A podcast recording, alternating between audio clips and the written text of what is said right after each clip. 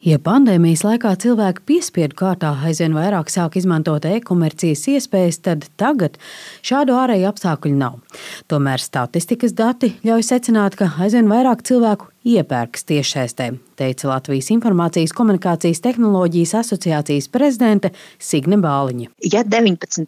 gadā gandrīz 30% bija tādi internetu lietotāji, kas nekad nav veikuši pirkums vai pasūtījums, tad pērn tādi bija 23%. Tad 6% ir pienākuši klāt šo trīs gadu laikā, kuri ir sākuši iepirkties internetā. Un kopumā 2022. gadā nepilni 70% no Latvijas iedzīvotājiem bija tādi, kuri kaut reizi ir veikuši pirkumu internetā. Savukārt, ja runā par e-komercijas apjomu kopumā, tad dati liecina, ka, lai arī pēdējos trīs gados e-komercijas apjoms Latvijā bijis ar strauju pieaugošu tendenci, tomēr pēdējos trīs mēnešos temps sācis nedaudz bremzēties. Nu, tā kā tāds neliels atkritiens ir, bet nu, jāskatās, kas notiksies uz priekšu. Faktu, ka e-komercijas izaugsme nedaudz sabremzējas, apliecina arī digitālā mārketinga speciālists, aģentūras New Black vadītājs Artūrs Mednis. Ja mēs runājam par e-komerciju Latvijā, vai es pat plašāk varētu vilkt paralēls ar teiksim, Austrum Eiropas daļu, tad ir izaugsmes tempi, straujie izaugsmes, nenormāli straujie izaugsmes tempi nedaudz mazinājušies. Ja mēs runājam par visu nozaru kopumā, tas nenozīmē, ka iz, eh, izaugsme nenotiek. Joprojām notiek, bet daudz mazāka nekā tas bija piemēram 21. gadā. 2021. gads iezīmējas ar neraksturīgi strauju e-komercijas izrāvienu. Ja mēs runājam par visām nozarēm kopumā, vidēji, ja, tad uh, Austrum Eiropā tie bija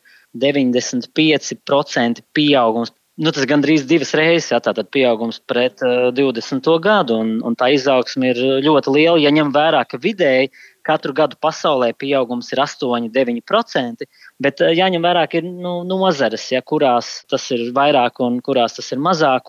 Mednis skaidro, kādēļ tieši 2021. gadā e-komercija piedzīvoja tik strauju augšupeju, ja pandēmijas laika stimuli bija mitējušies notika tas, kas tāpat būtu noticis tikai tuvāko 5 līdz 10 gadu laikā. Proti, uzņēmumi daudz vairāk pievērsās e-komercijai, daudz vairāk investēja e-komercijā, un arī cilvēki daudz vairāk sāka izmantot eh, šos digitālos iepirkšanās veidus, un ceļus un metodus un tam līdzīgi. Viena no e-komercijas jomām, kas kopš pandēmijas piedzīvoja ievērojumu pieaugumu, ir ēdienu un pārtiks piegāde. Viņiem bija nedabīgi liels izaugums 21. gadā, varbūt pat arī kādam vēl turpinās 22. gadā.